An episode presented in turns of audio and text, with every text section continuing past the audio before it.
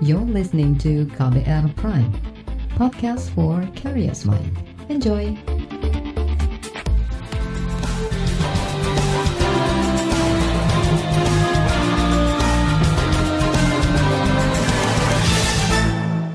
Halo saudara, senang sekali kami bisa menyapa Anda kembali dalam program KBR Sore untuk edisi hari ini Selasa 21 Juli 2020. Saya, Sindu Darmawan, akan menemani Anda selama kurang lebih 30 menit. Kali ini, kami membahas kehadiran vaksin COVID-19 yang diproduksi Sinovac Biotech Cina. Vaksin itu sudah tiba di Indonesia dua hari lalu. Saat ini, vaksin tersebut siap diuji coba secara klinis tahap ketiga atau disuntikan ke tubuh manusia.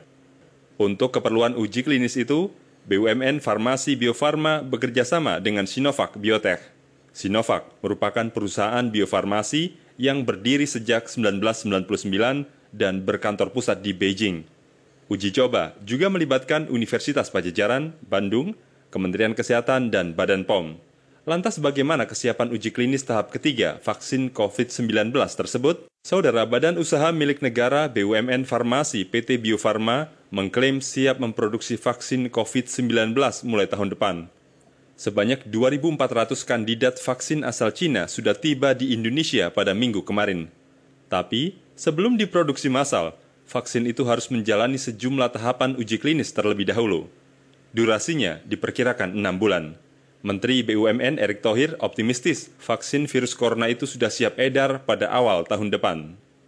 Kerja keras kami tidak ada artinya kalau masyarakat tidak membantu. Karena kita ketahui bahwa vaksin baru bisa beredar itu kan di awal tahun depan. Jadi dari sekarang sampai awal tahun depan penting sekali disiplin yang ada di masyarakat. Yaitu yang selama ini sudah disampaikan Menteri Kesehatan sejak awal. Yaitu jaga jarak, cuci tangan, pakai masker. Jangan juga masyarakat berasumsi ketika ada suasana yang sekarang positif. Apakah itu vaksin apakah itu penyembuhan meningkat, sudah waktunya kita hidup seperti normal yang dulu, bukan. Karena disiplin protokol COVID-19 harus dijalankan. Dan bantu kami semua yang mengerjakan mati-matian demi masyarakat sesuai arahan dengan Bapak Presiden. Nah, vaksin ini kita pastikan akan ada, tapi saya mohon masyarakat juga berdisiplin supaya tadi kita bisa terus mengantisipasi. Bio Farma juga akan memastikan memproduksi obat ya untuk terapi kesembuhan karena ditanya obatnya apa pasti kan belum ada tetapi terapi penyembuhan kita terus lakukan dan insya Allah sesuai dengan komitmen daripada pemerintah dan Bapak Presiden kita akan melakukan hal ini sebaik-baiknya untuk kepentingan rakyat semua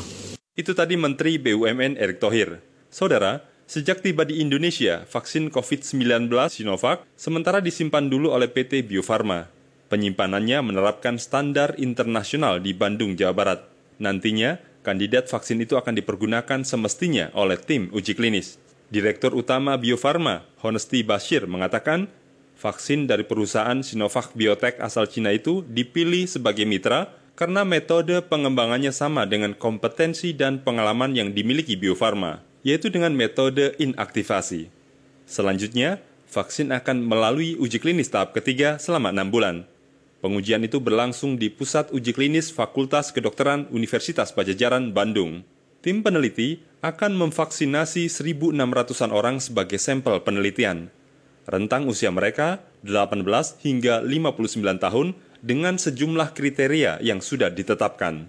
Uh, sesuai dengan arahan Pak Presiden uh, barusan, kami dari Bio Farma mendapat tugas untuk memastikan kapasitas produksi vaksin ini bisa dikelola dengan baik. Sampai saat ini kami sudah menyiapkan 100 juta dosis per tahun siap dan kita akan expand menuju 250 juta dosis per tahun. Tapi untuk tahap pertama, sesuai dengan target penyelesaian uji klinis Januari, pada saat selesai uji klinis dan izin edarnya keluar, kami sudah mentargetkan untuk bisa selesai sekitar 40 juta dosis per tahun. Itu tadi Direktur Utama Bio Farma, Honesty Basir. Saudara, kandidat vaksin COVID-19 Sinovac merupakan satu dari empat kandidat vaksin yang sebelumnya sudah diumumkan Kementerian Kesehatan. Kerjasama Bio Farma dengan perusahaan Sinovac Biotech itu merupakan tindak lanjut dari proses diplomasi pemerintah Indonesia dengan negara lain. Pelaksana tugas juru bicara Kementerian Luar Negeri Teuku Faizazah mengatakan Selama ini pemerintah memang gencar berdiplomasi untuk mendapatkan akses kandidat vaksin COVID-19. Dan untuk itu Kementerian Luar Negeri memang memajukan apa yang kita sebut dalam tanda kutip diplomasi vaksin. Bagaimana melalui kinerja diplomasi kita bisa menjalin kerjasama untuk mendapatkan akses pada vaksin sehingga pada waktunya apabila sudah uh, di dihasilkan satu vaksin, eh, pemerintah dalam ini bisa mendapatkannya dalam jangka pendek. Karena kita sama-sama memaklumi bahwa negara mana pun di dunia ini semuanya berlomba-lomba untuk mendapatkan akses eh, vaksin untuk memberikan jaminan kesehatan bagi publiknya. Dan melalui cara itulah pemerintah dalam jangka pendek memang memperjuangkan akses vaksin dan salah satu yang kita dorong kerjasamanya adalah antara Bio Farma dengan Sinovac. Eh, kita memfasilitasi komunikasi pertemuan antara mereka, antara Bio Farma dengan Sinovac dan tentunya kita memaklumi mereka juga berinteraksi langsung dengan Sinovac. Namun dari sisi inilah pemerintah uh, mencoba menjalin kerjasama pada komitmen antar pemerintah dan kemudian diterjemahkan dalam kerjasama antara BUMN kedua negara. Jadi ini adalah salah satu yang tampaknya sudah memasuki satu proses uji klinis tahap ketiga dengan sampelnya kita terima hari Minggu kemarin dan langsung diserah terimakan ke pihak Bio Farma untuk dilakukan uji klinis di Bandung dengan melalui kerjasama dengan Universitas Pajajaran. Namun dari sisi lain tentunya pemerintah juga ingin terus mengembangkan kemandirian kita. Dengan demikian kita bisa memenuhi kebutuhan masyarakat atas vaksin. Dan untuk itulah pemerintah telah membentuk uh, konsorsium nasional sehingga pada waktunya dan dalam proses sekarang sedang berjalan mengembangkan vaksin tersebut. Itu tadi pelaksana tugas juru bicara Kementerian Luar Negeri, Teuku Faizasya. Saudara, seusai jeda, kami akan sampaikan laporan redaksi bertajuk Perjalanan Vaksin COVID-19 Buatan Lokal. Tetaplah di KBR Sore. You're listening to KBR Pride, podcast for curious mind. Enjoy!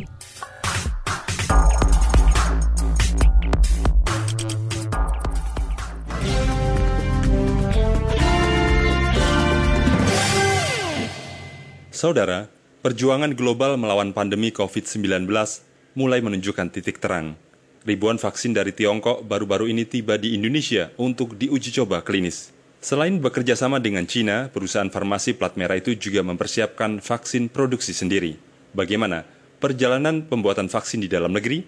Berikut laporan khas KBR dibacakan Valda Kustarini. Sejak pengumuman pasien positif COVID-19 pertama di Indonesia pada Maret lalu, pemerintah mulai membentuk konsorsium untuk meneliti dan mengembangkan sendiri vaksin COVID-19. Ketua Lembaga Biologi Molekuler Ikman, Amin Subandrio menyebut, Indonesia sudah memproduksi vaksin sendiri. Selain bisa lebih murah, Amin yakin vaksin yang dibuat dengan informasi genetik virus di Indonesia akan lebih efektif digunakan di dalam negeri. Belakangan, vaksin yang diteliti di dalam negeri ini diberi nama vaksin merah putih. Oh, prosesnya masih cukup panjang karena ya kami kalau proses normalnya sih masih lama ya, tapi karena ini pandemi kami hanya diberi waktu 12 bulan untuk bisa menghasilkan uh, seed vaksin namanya bibit vaksin untuk diserahkan ke industri. Kemudian nanti akan diteruskan ke clinical trial. Itu itu penting itu. Hmm, jadi makanya Indonesia harus bikin sendiri untuk untuk virus yang beredar di Indonesia.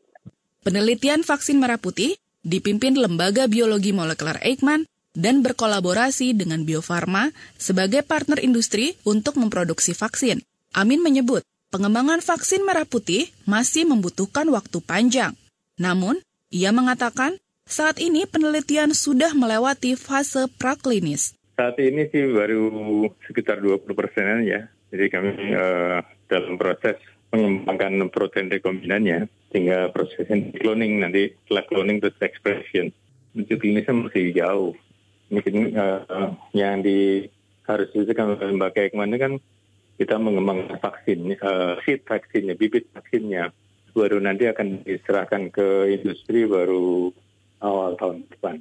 Calon vaksin asal Indonesia pun telah lolos 8 dari 15 tahap pengujian. Juru bicara gugus tugas percepatan penanganan COVID-19, Reisa Broto Asmoro menyebut, tujuh tahapan berikutnya membutuhkan waktu lebih lama.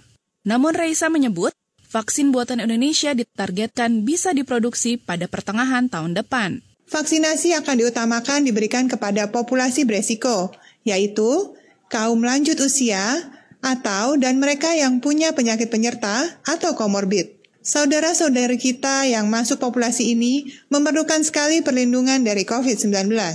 Dan upaya ini tidak sendiri. Perusahaan vaksin Indonesia ada yang bekerja bersama dengan perusahaan Korea Selatan. Selain mengembangkan sendiri di dalam negeri, perusahaan farmasi seperti Bio Farma dan Kalbe Farma juga bekerja sama dengan perusahaan dari negara pengembang lain seperti Tiongkok dan Korea Selatan. Menteri Riset dan Teknologi sekaligus Kepala Badan Riset Inovasi Nasional Bambang Brojonegoro menyebut Indonesia menggunakan metode paralel untuk mempercepat pengembangan vaksin. Pada Juni lalu, ia mengklaim proses pengembangan vaksin itu sudah sampai tahap uji klinis. Yang sudah diberitakan juga, Bio Farma sudah bekerja sama dengan uh, Sinovac dari Cina, ya, yang sudah akan masuk tahap uji klinis di Indonesia. Uji klinis ini penting, ya, karena dan Indonesia ini memang sangat unik untuk pengujian vaksin, karena kita punya etnisiti yang uh, cukup banyak, ya, dan tentunya diharapkan satu jenis vaksin bisa untuk semua Kalbe Pharma juga bekerja sama dengan Korea, juga akan melakukan uji klinis di Indonesia. Dan kemudian kita juga sedang mencoba mengembangkan pendekatan dengan metode baru, ya, berbasis DNA, tetapi dengan uh, penggunaan yang lebih uh, advance, ya, sehingga diharapkan vaksin bisa dihasilkan lebih cepat. Bambang menyebut pengembangan vaksin di dalam negeri merupakan bentuk pertahanan negara. Bambang juga mengatakan Pembuatan vaksin merupakan bentuk kemandirian dan kepercayaan riset dalam negeri. Ia yakin kualitas riset dalam negeri dalam pembuatan vaksin bisa menyamai kualitas riset negara-negara lain. Kemandirian dalam vaksin, it is our national defense. Kalau sudah berhadapan dengan penyakit, bukan obat, tapi vaksin. Karena vaksin itu bisa mencegah kita dari penyakit. Kalau obat, menyembuhkan kita kalau sakit. Bicara, kalau defense kan artinya kita belum terkena, kita belum diserang. Kita siapkan pertahanan. Berarti pertahanan yang paling pas adalah kemandirian vaksin. Nah, kemandirian ini bisa dua. Kemandirian dalam pengembangannya, artinya kita menemukan vaksinnya dan produksinya. Demikian laporan tim KBR, saya Valda Kustarini. Saudara, diperlukan sejumlah tahapan dan fase untuk menemukan vaksin. Selain itu, menurut Direktur Lembaga Biologi Molekuler Eijkman, Amin Subandrio, kriteria vaksin yang ideal seharusnya bisa melindungi seseorang seumur hidup hanya dengan sekali suntik vaksin saja. Pernyataan lengkap Direktur Lembaga Biologi Molekuler Eijkman itu akan kami sampaikan usai jeda. Tetaplah di KBR Sore. You're listening to KBR Pride, podcast for curious mind. Enjoy!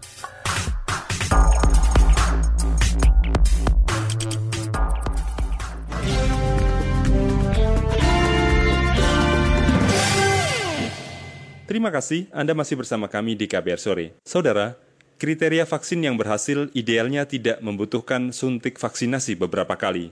Cukup sekali saja selama seumur hidup. Menurut Direktur Lembaga Biologi Molekuler Eijkman, Amin Subandrio, vaksin juga harus mencukupi kebutuhan vaksinasi untuk seluruh rakyat Indonesia.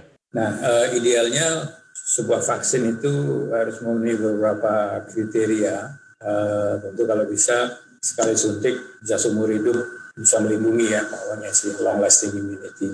Tapi uh, ya tergantung dari sifat uh, penyakitnya dan juga sifat uh, vaksinnya. Kemudian kalau bisa merangsang humoral dan cell mediated immunity. Ini bisa vaksinnya sendiri atau bisa dikombin dengan ajusan dan sebagainya. Uh, kemudian uh, efektif di uh, umur mana pun ya dari yang muda sampai yang tua. Dan sedapat mungkin dia bisa melindungi terhadap berbagai uh, varian virus. Ya, uh, karena kita untuk coronavirus kita ketahui uh, di beberapa daerah uh, secara molekuler bisa diperlihatkan ada, ada beberapa perbedaan yang mungkin juga menyebabkan beberapa uh, perbedaan di di uh, strukturnya ya struktur dari virus itu. Kemudian uh, kalau bisa sesedikit mungkin disuntikannya ya satu dua kali atau ya tidak perlu di booster berkali-kali. Dan tidak menginjus atau immunity atau hypersensitivity. Ini menjadi penting sekali. Uh, tentu harus murah dan kalau bisa di, di diberikan secara paling simple ya kalau bisa oral dan sebagainya. Uh, tentu harus aman dan efektif, stabil dan murah untuk Indonesia dan negara beberapa negara. Ada satu tambahan lagi yaitu harus memenuhi persyaratan halal. Direktur Lembaga Biologi Molekuler Eijkman, Amin Subandrio menambahkan, sampai saat ini lembaganya masih terus mengembangkan seed vaksin untuk kebutuhan penangkal virus corona di Indonesia. Eijkman menargetkan pada Januari 2022, seed vaksin sudah bisa diserahkan ke kalangan industri untuk diproduksi massal. Strategi yang diterapkan oleh Eijkman, kita belajar dari virus yang ada di Indonesia, kemudian kita amplifikasi uh, protein uh, gen yang menjadi protein N dan protein S, dan itu sudah kami lakukan, dan kemudian di cloning. Dan uh, setelah ini uh, diharapkan kita akan menghasilkan uh, protein rekombinannya yang siap dilakukan uji pada hewan dan ini uh, diharapkan Januari Februari kami sudah bisa memberikan seed vaksinnya ke uh, industri. Nah di sini nanti itu ada beberapa modifikasi yang mungkin saya tidak tidak share di sini.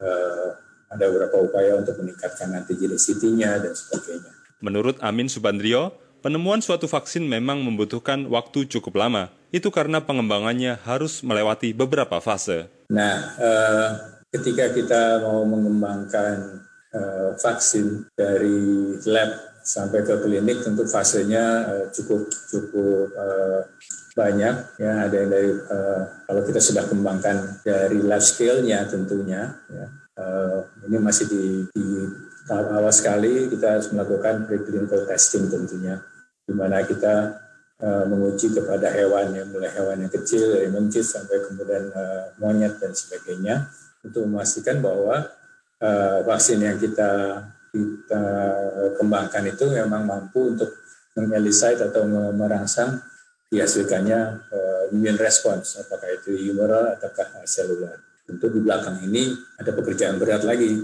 yang saat ini uh, di lembaga Ekman memang, masih di tahap pertama. Tapi justru itu fondasinya. Eh, kalau kalau fondasinya sudah sudah siap, eh, depannya relatif lebih mudah walaupun tidak selalu. Nah, kemudian itu akan diikuti oleh uh, berbagai uh, fase uh, clinical trial.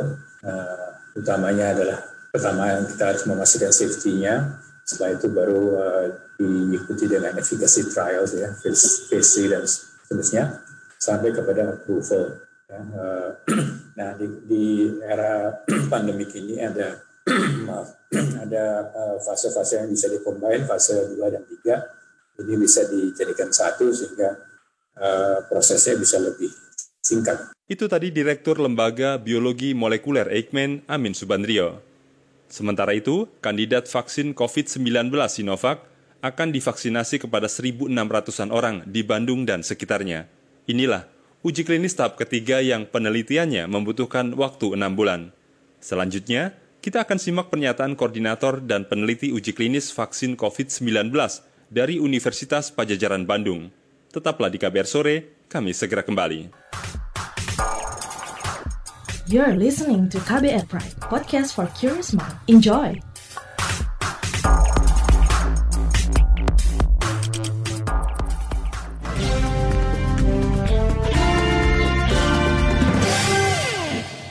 Anda masih mendengarkan KBR Sore. Saudara, vaksin COVID-19 asal Cina Sinovac akan segera diuji klinis tahap ketiga, tahap yang akan menggunakan tubuh manusia sebagai sampel penelitiannya.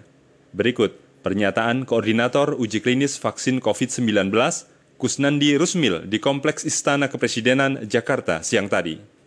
Sekarang jabatan saya adalah uh, Koordinator Uji Klinis Vaksin Virus Corona 19. Jadi saya harus melakukan pengujian bahwa vaksin ini betul-betul efektif dan aman. Sehingga dalam perhitungan statistik saya mengumpulkan kurang lebih 1620 untuk dilakukan penelitian ya 1620 orang-orang yang berumur 18 tahun sampai 59 tahun.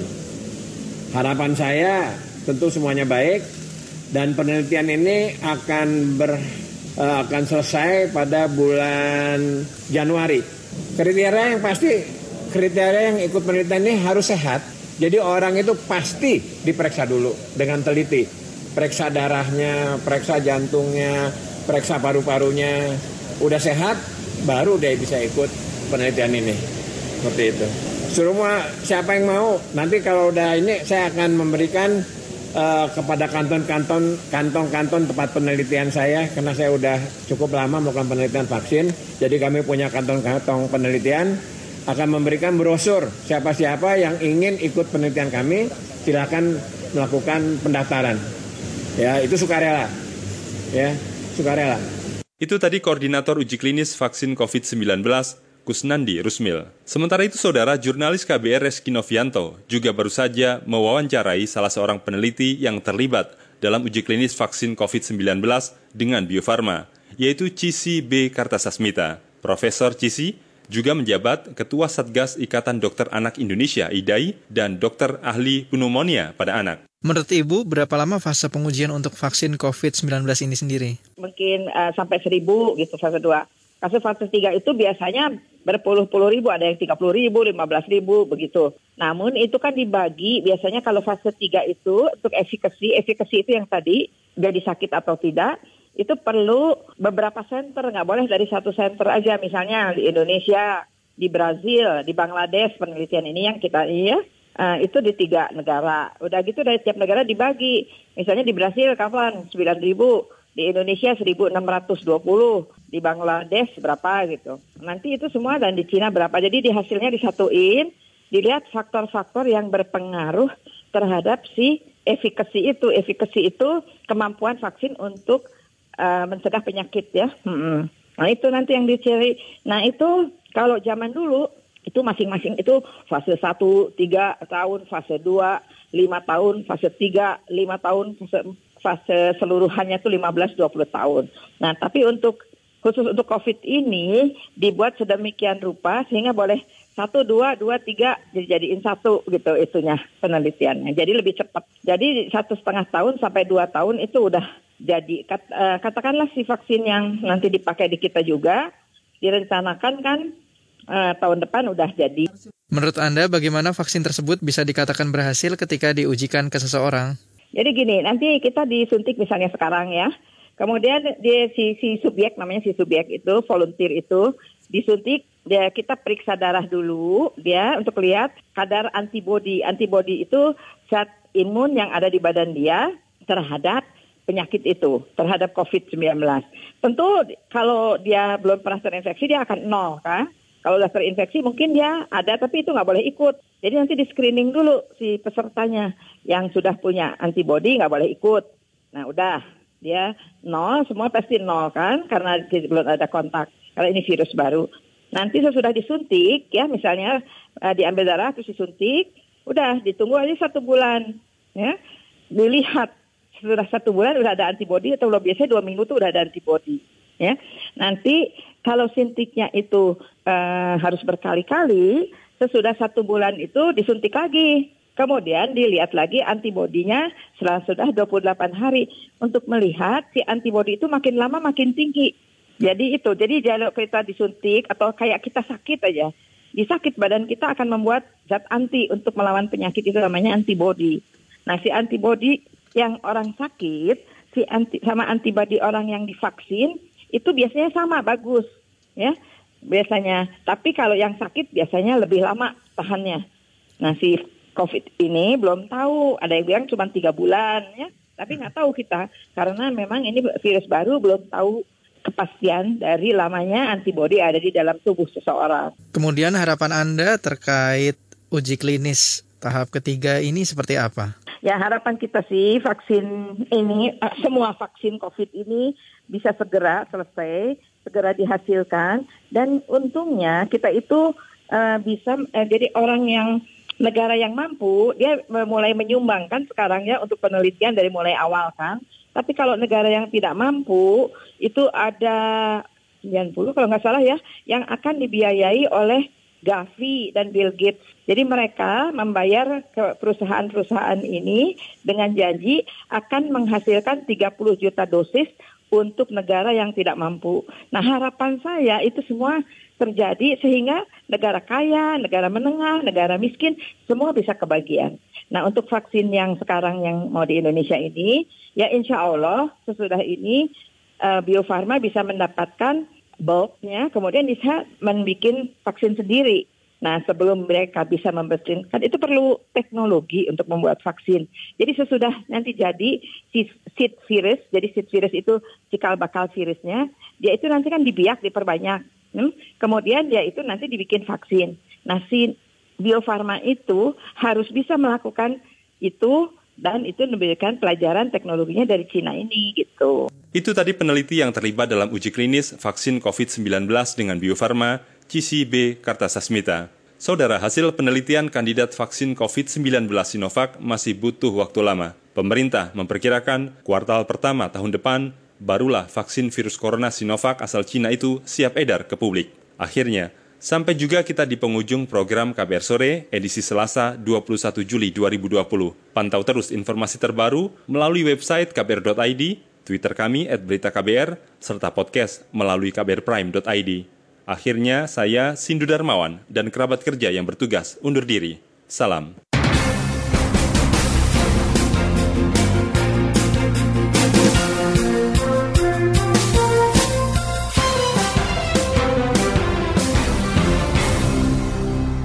KBR Prime, cara asik mendengar berita. KBR Prime, podcast for curious mind.